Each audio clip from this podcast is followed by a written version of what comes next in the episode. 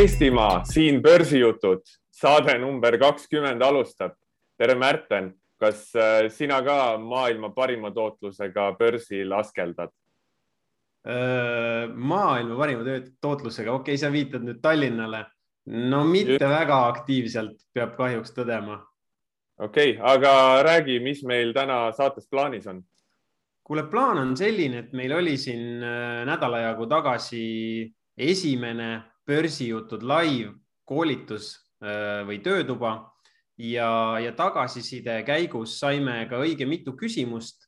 ja, ja tekkiski mõte, et äkki võtaks need küsimused ette ja saavad vastuse siis need, kes meie käest küsisid, kui, kui on huvitav ka tõenäoliselt siis äh, teistel kuulata, et mis küsimusi esitati ja, ja mis need vastused on Mm -hmm. et hakkame vaikselt minema, et äh, esimene küsimus, ütleme nii, et esimesed kolm on sellised pigem kauplejale äh, mõeldud küsimused ehk siis äh, tulistan mina küsimusi ja, ja ootan siis sinult vastuseid. number üks, kuidas üldse aktsiate valimine ja orderite sisestamine käib, et kui palju teeb mingi programm? okei okay., äh, siin on see, et kõigepealt sul peab olema mingi strateegia mingi põhjus, äh, mingi setup, miks sa sisened tehingusse ja miks sa väljud tehingust. Eh, ehk siit, mille järgi aktsiaid valida, siis tegelikult sa validki selle oma strateegia tingimuste järgi, näiteks sa kasutad mingeid libisevaid keskmisi äh, trendi kauplemiseks või teed swing tehingu, ostad topeltpõhja, siis selle järgi sa aktsia validki. sa tahad näha tehnilise analüüsi käigus, et see aktsia vastaks sinu strateegia tingimustele nüüd, äh, kuidas orderi sisestamine käib, noh, eks ta käib samamoodi nagu osta-hoia investeerimise puhul, et võtad oma maakler tarkvara lahti, paned sinna kas limiit, äh, limiit stopp või market orderi sisenemiseks.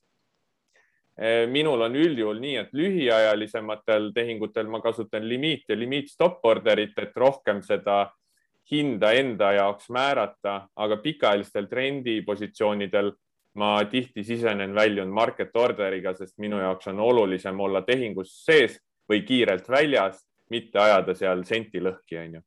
Mhm. kui palju nüüd teeb programm, ega tegelikult ju noh, seal oligi see,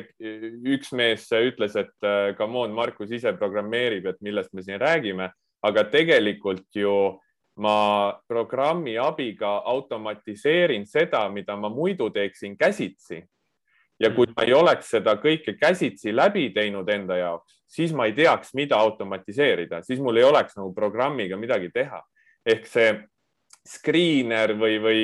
need programmid, mida ma seadistan, nad aitavad mul lihtsalt seda käsitööd vähendada, teevad mu selle protsessi kiiremaks ja mugavamaks. ehk alguses on, on ju ikkagi see strateegia, äh, need äh, nii-öelda mingid filtreerimise alused Mm -hmm. siis äh, alustades on ju, teed seda käsitsi ja siis lõpuks hakkad vaatama, et mida saab automatiseerida ja, aga noh, pilgu viskad ju peale ikkagi välja, et see, see, see filter söödab sulle ette mingi valiku ideid ja siis need sa käid äh, nii-öelda käsitsi ikka üle või kuidas? jah, üldjuhul käin käsitsi üle, aga see on ka hetkel osa minu protsessist, mida ma püüan ju pidevalt paremaks teha ja üks strateegia mul hetkel on selline, mis mulle siis mu paika pandud valem tehnilise analüüsi põhjal annab mingid ettevõtted, mida ma siis ostan ja tegelikult ma ei pea graafikut üle käima, ma võin seda noh, lihtsalt kontrolliks teha, aga ei pea. aga mõni strateegia on selline, mida ei annagi võib-olla nii väga automatiseerida, et ma pean ikkagi silma peale viskama, et oma need stopid, target'id paika panna mm. -hmm. selge pilt küsimus number kaks, ähm, jällegi kauplemisteemaline, et kui palju pean ise midagi jälgima või valvama, et keegi kaupleja ütles, et kui mõni minut vetsus äh, ära käid, siis on juba võib pahandusi juhtuda. vot siin on väga oluline saada aru oma kauplemise ajahorisondist. see, kes ütles, et ta ei saa tehingu ajal vetsu minna, võib-olla on, ilmselt on päevakaupleja ja võib-olla ta kaupleb ühe minuti graafikut ja tal ei olegi stoppi sest ta näiteks teeb oma väljumisotsust äh, kas siis tape reading'u nii-öelda selle hetke äh, hinnaliikumise põhjal või mingi uudisvoo põhjal, siis ta jah, ta ei saa minna enne vetsu, kui ta oma selle tehingu kinni paneb, onju. aga sa pead oma ajahorisondist aru saama selles mõttes, et kas sa kaupled ühe minuti, tunni aja, päeva või nädala graafikul. et noh, mina näiteks äh, kauplen päevagraafikutel sulgumispõhiselt ehk siis mul on terve päev aega vetsus käia, kuni see päevaküünal sulgub, et teha oma otsus, on ju. kui ma kaupleks tunni aja graafikul sulgumispõhiselt, siis mul oleks aega tund aega vetsus käia et, et see, et näha, kus see küünal sulgub, et oma järgmine otsus teha. lisaks kõigele sellele saad sa panna stopi sisse, juhul kui sa kaupled hinda, on ju, paned stopi sisse ja lähed vetsu. aga noh, loomulikult, kui sul on niisugune ühe minuti skälpimine, siis sa pead tehingu enne kinni panema, kui sa vetsu lähed või, või enne ära käima, et ühesõnaga, mis ma tahan öelda, et täpselt samamoodi nagu osta-hoia investor saab vabalt vetsus käia, samamoodi saab ka kaupleja, kui ta paneb paika oma selle kauplemise ajahorisondi mm. -hmm. et see sagedus on äh, oluline, et mis frequency või mis sagedusega graafikuid sa nii-öelda kaupled siis? jah, sest see annab sulle laias laastus äh, ette selle sinu keskmise hoidmisperioodi, kaua sa tehingus oled. ma ei mäleta, kas ma üldse olen küsinud, kas see, kas sa oled ise kunagi päevakauplemist nagu niimoodi, noh, mitte lihtsalt proovinud üks-kaks korda, vaid nagu mingi episood sinu kaupleja karjääris? jah, ma kasut-, kolm aastat tagasi kauplesin päevakauplemist niimoodi, et ma kasutasin kahe minuti, kümne minuti ja tunni aja graafikut. ühesõnaga äh, oluline oli vaadata kõigepealt tunni aja graafikul, mis selline üldine päevasisene trend või kauplemisvahemik on, siis setup'i võtsin kümne minuti graafikul ja kahe minuti graafikul tuunisin oma sisse-välja liikumist, aga noh, seal on see, et äh, Eestist niimoodi tehes seda kahe minuti graafikul saad ikkagi kiirusega teistest taga, kes seda USA-s teevad, palju konkureerid mingite suurpankade algoritmide ja arvutitega ja üleüldiselt seda stressi, seda otsustust ja stressi on nii palju rohkem, et äh, ma pigem läksin pikaajalisemale, mulle lihtsalt sobib see elustiiliga paremini. Kui pikalt sa suutsid nagu, kui pikk su see nii-öelda kauplemispäev siis oli, et tegid sa mingi tund-kaks või tegid ikkagi täispäeva? see täiesti olenes, et mul oli vahel nii, et mul oli paar aktsiat ja setup'i välja vaadatud ja niikaua, kuni nendega midagi teha oli, nii kaua ma tegelesin, oli see siis tund aega või kolm-neli tundi. ja siis oli kõik, et ma ei istunud kaheksa tundi arvuti taga. et noh, jah, see olenes nendest setup idest okay.. kuule, aga räägi sina, ütle sa ise, et sa päevakauplemisega palju sa oled tegelenud, et äh, ole nüüd aus ja palju koroona ajal sai lihvitud? Ähm, nagu ümmargune null, ma ei ole mitte kunagi päevakauplemisega tegelenud, et, et kui me räägime mingist minuti või viie minuti graafiku vaatamisest, siis, siis kunagi nii-öelda nii oma portfelli ülesehitamise algusaegadel mul oli selline mingi maania, et ma tahtsin mingi maru heas kohas siseneda, on ju, niisugune totaalne päevasisene sendipoolitaja, kes tegelikult hoiab positsiooni, ma ei tea, kümme aastat. et noh, täiesti mõttetu, et et lõpuks, eks see tulemus oli see, et paned seal kuhugi mingi piiri, ma ei tea, kolmkümmend kolm, viiskümmend ja lõu tuleb kolmkümmend kolm, viiskümmend viis ja siis sa jääd millestki ilma, mis, mis kuude või aastatega tõuseb, on ju väga palju, et, et noh, sellest ma püüdsin kohe kiiresti õppida. et see mm. sendi poolitamise asi et nagu sina kauplemise puhulgi ütlesid, et noh, kui sa tahad seda positsiooni ja see on pikk positsioon nagu pikaajaline, et siis mine sisse ja, ja see on nagu olulisem kui see, ma ei tea, null koma kaks protsenti võitu või vahest isegi üks või kaks protsenti võitu tegelikult, olgem ausad mm., et et ähm, mõnikord on selline tunne, et tahaks osta asju ainult nõrkuspäeval, aga kui seda nõrkuspäeva nagu ei tulegi nädal või kaks, on ju, siis jällegi on oluline see, et sa lõpuks oled seal sees Äh, mitte see, et mis hinnaga sa ta kätte said ja, ja ma olen ise suure valimi peale saanud veel aru, et kui market order'iga näiteks avanemisel sisenen, see ongi täpselt nii, et vahel see market order töötab sinu kasuks, ehk sa saad parema hinnaga, kui sa soovisid, teinekord su kahjuks saad natuke kehvema hinnaga, aga nii-öelda suures pildis väga suur vahe see ei ole nendel pikaajalistel positsioonidel mm. -hmm. ja noh, võib-olla kui juhul, kui sa küsiksid mu käest jätkuküsimusena, et miks ma ei ole nagu päevakauplemise peale läinud, siis siis see vastus oleks see, et, et äh, enda portfelli üles ehitades, noh, juba viimased, ma ei tea, viis, kuus, seitse, kaheksa aastat on kogu aeg minu mõte olnud see, et ma tahan pigem mingit passiivset äh, lahendust ehk siis on ju see dividendi pool pakub mulle passiivset, äh, pikaajaline investeerimine on suhteliselt passiivne lahendus on ju, tegelen asjaga siis, kui ma, kui ma tahan või, või mul nagu aega on selleks. ja, ja see ongi paika pannud selle, et ma ei taha omale mingit teist täiskohaga töökohta või pool, poole kohaga töökohta selle päevakauplemise näol. No sama siin tegelikult, see on mul endal ka üks põhjus, et äh, ma tahan ikkagi sellist poolpassiivse,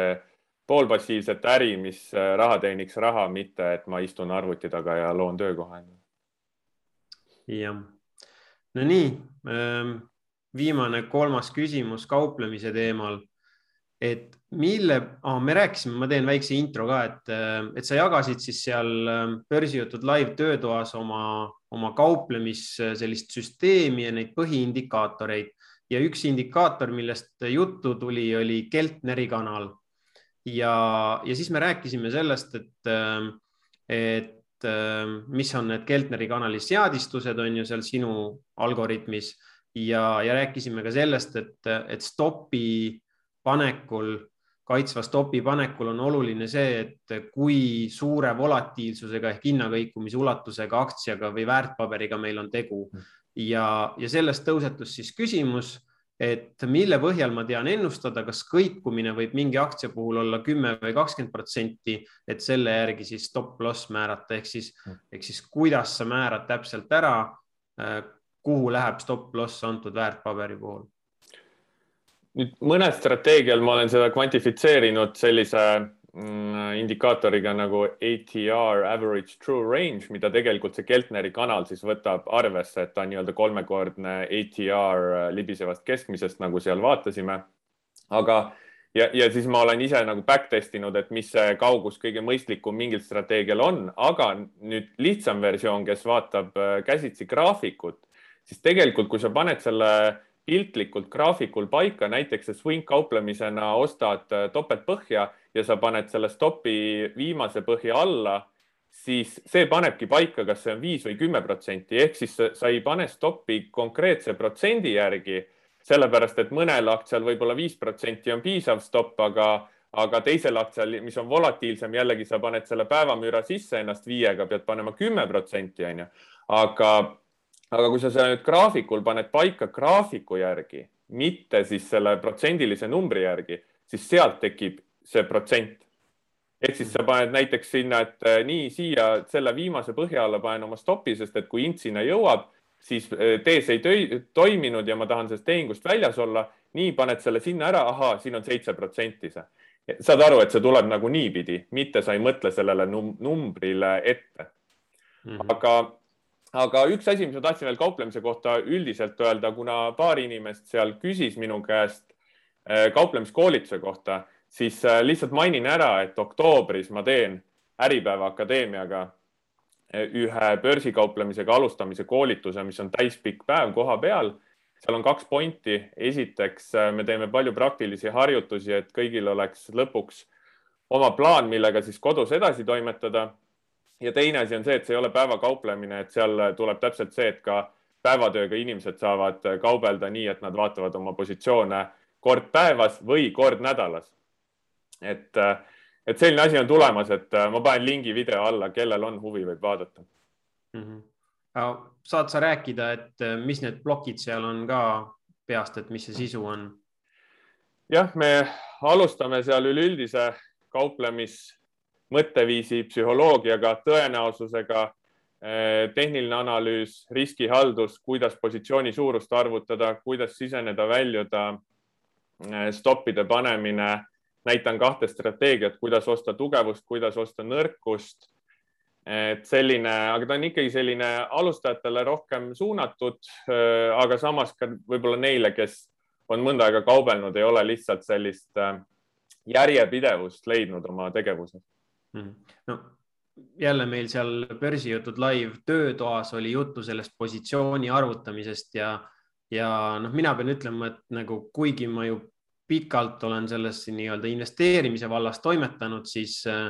see kontseptsioon oli minu jaoks suhteliselt võõras seni, kuni ma siis ka nagu seda kauplemispoolt vaatasin, et, et, et noh, väga hea, et sa selle jutuks võtad, et täitsa kindlasti soovitan kasvõi juba nende riskihalduse asjade pärast osaleda, et, et peab ütlema, et vahest nagu raamatust neid lugedes, noh, ei ole kõige lihtsam nagu aru saada, et eriti kui, kui päris selline alustav kaupleja oled, et vähemalt see on minu enda kogemus mm,. nii on jah. aga okei okay,, lähme siis äh, küsimustega investeerimise peale mm. -hmm selline küsimus siis tuli ühe börsijutud live töötoa tagasisidega, et millised on olulisemad punased lipud pikaajalisel investeerimisel? no neid on ikkagi päris palju ja, ja vähemalt minu jaoks on need nagu ajas kuidagi muutunud ka, et, et võib-olla me saame öelda, et on ju kogu see majandus ja ja eluolu käib ka nagu oma rada pidi ja siis, ja siis äh, nii-öelda ühel ajastul on, äh, on ühed asjad nagu, mis on punased lipukesed, teisel ajastul on mingisugused teised asjad. ehk siis äh, võib-olla viimastel aastatel väga palju me ei ole mingisuguseid selliseid ähm, teadlikke ja tahtlikke raamatupidamise andmete Mm, vale esitamisi siis kogenud, on ju, et võib-olla siin, kui me jätame võib-olla Wirecardi kõrvale, kes oli siin hiljutine suurim selline kaasus, siis selliseid äh, finantsmahhinatsioone äh, äh, nagu väga palju ei ole olnud. samas, mis nagu viimasel ajal jällegi on sellised punased lipukesed minu jaoks olnud, on, on need võlakoormusega ja laenukoormusega seotud asjad et intressimäärad on maru madalad, raha on kergelt käes ja, ja siis, kui tuleb äh, mingisugune äkiline pööre majandustsüklis, et siis käpuli käimine on nagu kuidagi väga kerge tulema. aga, aga see on asi, mida saab kvantitatiivsete filtritega väga lihtsalt äh, kohe siis nii-öelda kontrolli alla võtta, et noh, mul endal, kui ma pikaajalisi pikaajalise portfelli jaoks dividendiaktsiaid valin, siis ongi nagu kohe üks äh, filter ongi kapitali struktuur, et, ähm,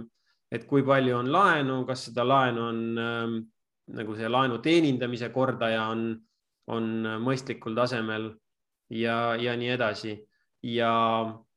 ja kui me räägime rohkem sellistest kvalitatiivsetest, siis praegu esimene asi, mis mul pähe tuleb, on, on selline selline juhtkonnaga seotud äh, nagu ma ei tea, kas, kuidas seda sõnastada, kompetent, kompetents või, või, või oskus, et, ähm, et ähm, ma tavaliselt proovin ikkagi vaadata ajas tagasi seal mingi viis kuni kümme aastat, kasvõi lehitseda mingeid aastaaruandeid ja, ja aru saada, et, et äh, kui palju on ettevõte siis tegelenud, ma ei tea, ümberstruktureerimisega, mingite ärisuundade mahamüümisega, uute ostmisega ja, ja see põhi ähm, nagu iva on seal see, et kui nagu sa pidevalt loed, et äh, ettevõte, ma ei tea, kas planeeritakse mingit restruktureerimist või, või on kavas selline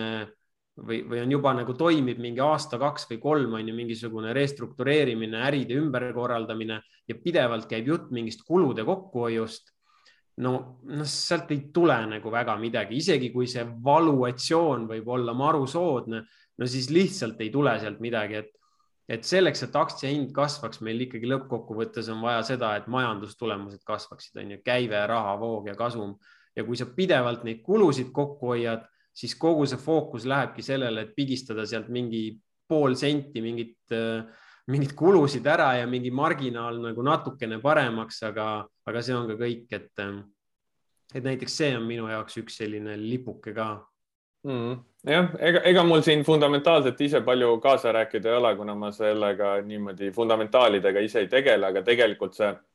point on, ma arvan, see eh, sama minu töös, et noh, kui ma mingites trendipositsioonides, mis töötavad siis ilmselt nendel firmadel läheb hästi, neil on kasvavad käibed, äh, müügitulud ja kasumid, et sellepärast see trend ilmselt kestab, kuigi ma ei vaata neid fundamentaale, siis ilmselt lihtsalt minule peegeldab graafikult see, noh, mida sina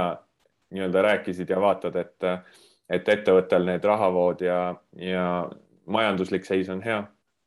mm. -hmm. aga no eks seal neid äh, nagu jälle lipukesi on veel, mida on hästi lihtne kvantitatiivsete filtritega hallata, et äh, näiteks kasvõi tegevuskasumi marginaal, et, et kui tegevuskasumi marginaali trend on allapoole, on ju, siis äh, noh, tihtilugu ma isegi ei, ei viitsi enam süüvida sinna sisse, et mis need põhjused on. vanasti ma üritasin nagu aru saada, et, et okei okay,, äkki on mingi ajutine vastutuul ja äkki pöördub ümber. noh, nüüd ma enam ei, üldse ma ei, ma enam ei vaevugi sinna sisse minema, ma näen, et nagu midagi on seal nihu, kasumlikkus on langustrendis ja, ja las ta siis olla, et, et maailmas on piisavalt palju häid ettevõtteid, mis võidavad turuosa, kasvavad, kasvatavad oma kasumit ja käivet, et, et mis seal nagu põhjakoristajat ikka mängida, et, et otsiks neid nagu kirsse tordil pigem mm,. et olla rohkem äh, oma infoga hetkes, olevikus, kui püüda siis äh, prognoosida või ennustada või isegi öelda, loota, et tulevik on nagu sellel ettevõttel parem.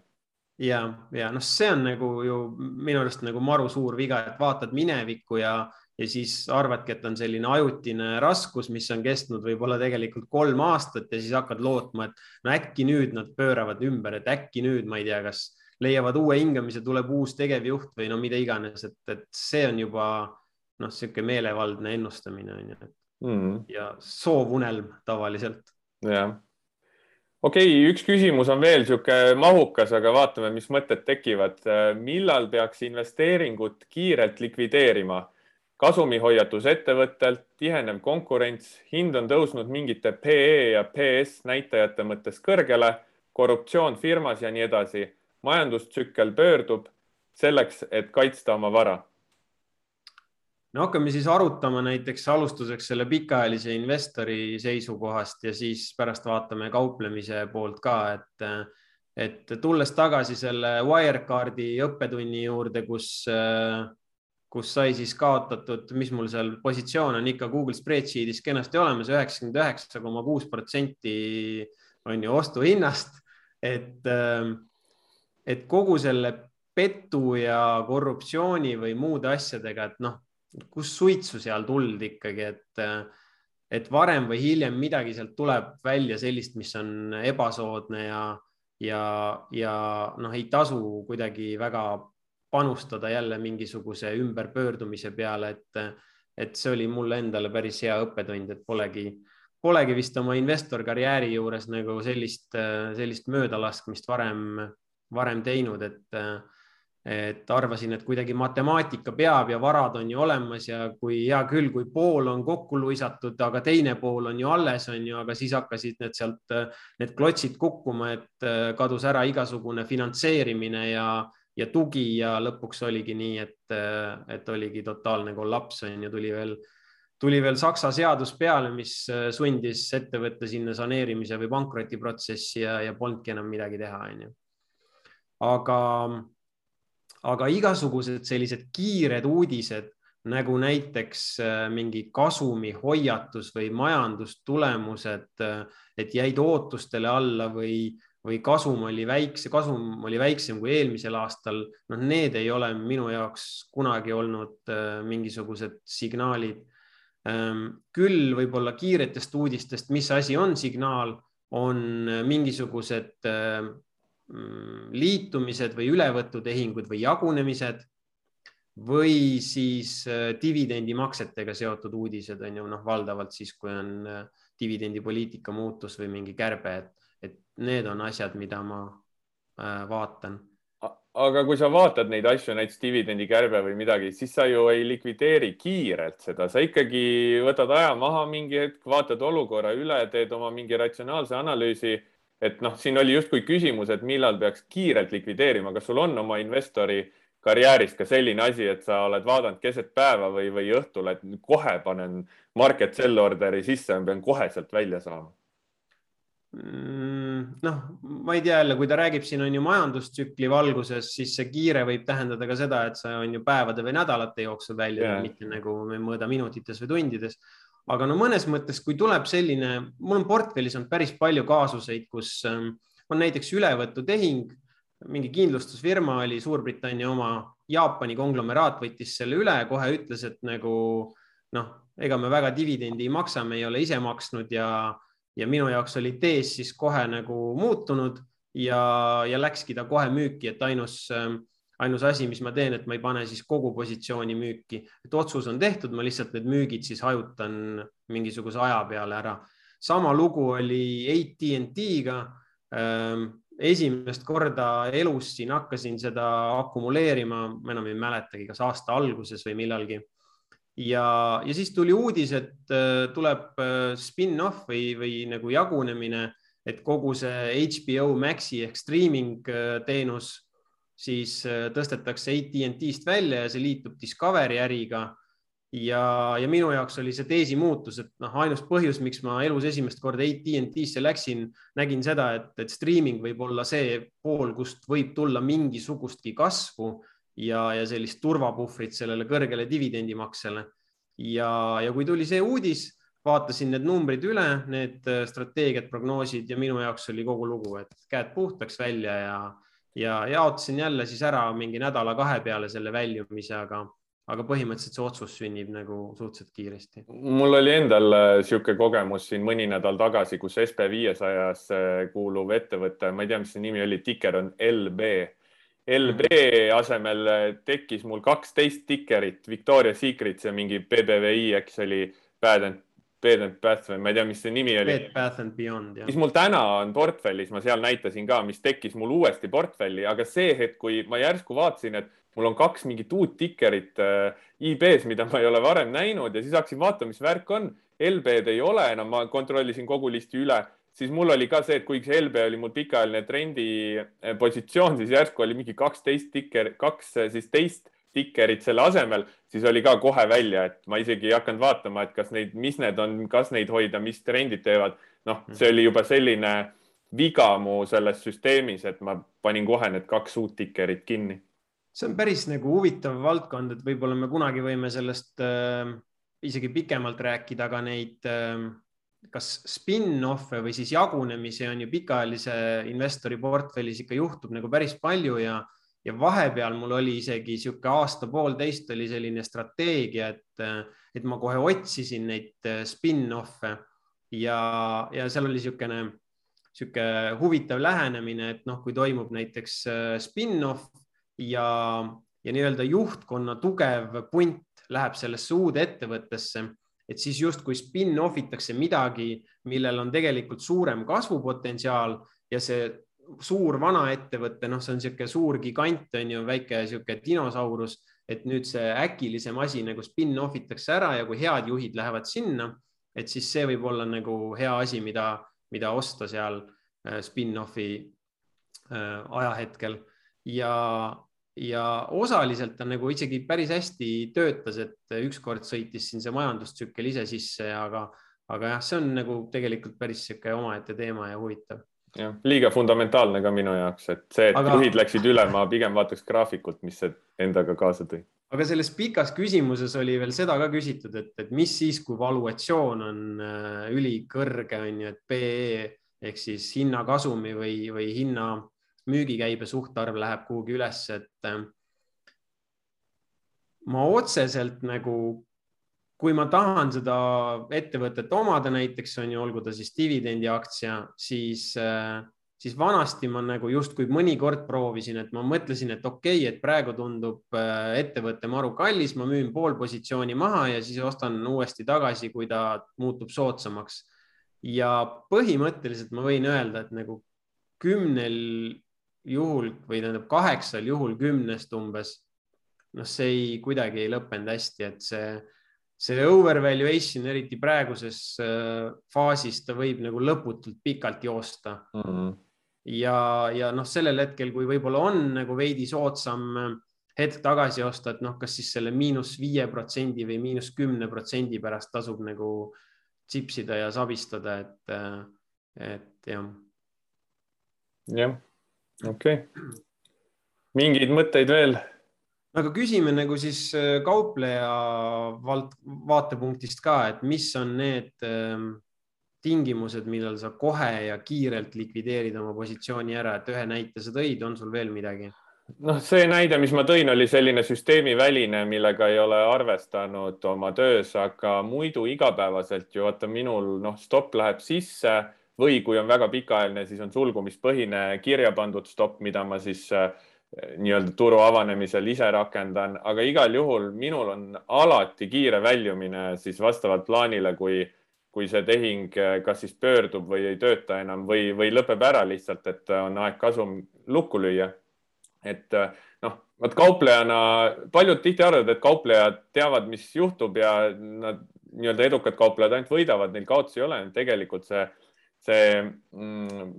päriselu on midagi muud, et kõikidel kauplejatel on enam-vähem samamoodi kaotusi, lihtsalt kauplejad edukad hoiavad neid väiksena, on ju, ja, ja mm, -hmm. ja ei lase käest ära oma kaotusi, et äh, selle jaoks, et püsida mängus ja mitte lasta kaotusi käest, mul on alati stopp paika pandud ja ma olen alati kiirelt väljas, kui see tehing ei tööta enam minu kasuks.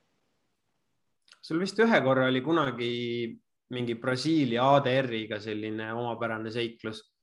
et ja. Äh, kas sa siis kuidagi need seiklused äh, käivitasid mingi kiire väljumissoovi ka või, või mis seal oli täpsem? alati, kui tekib mingi süsteemiväline viga, mida ma ei saa enam ise kontrollida või tekib mingi likviidsusoht, siis ma alati väljun nii-öelda, nii-öelda kirjutan oma süsteemi üle ja väljun käsitsi. esimene eesmärk on ikkagi ellu jääda ja mitte kapitali ära kaotada ehk siis, kui tekib süsteemi mingi oht, millega ma ei ole arvestanud, millega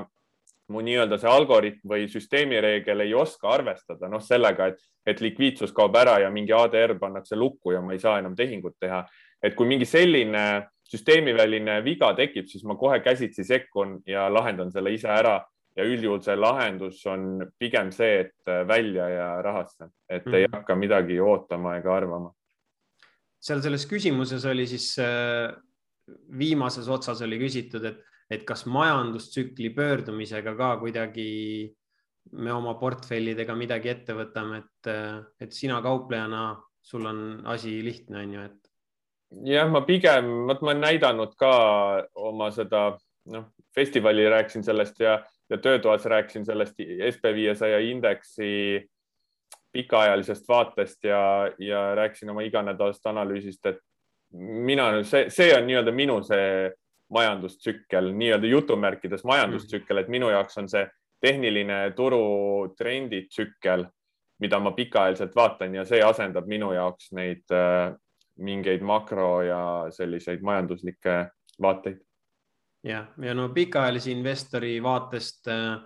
minu arust seda tasub alati meeles hoida, et, et aktsiaturud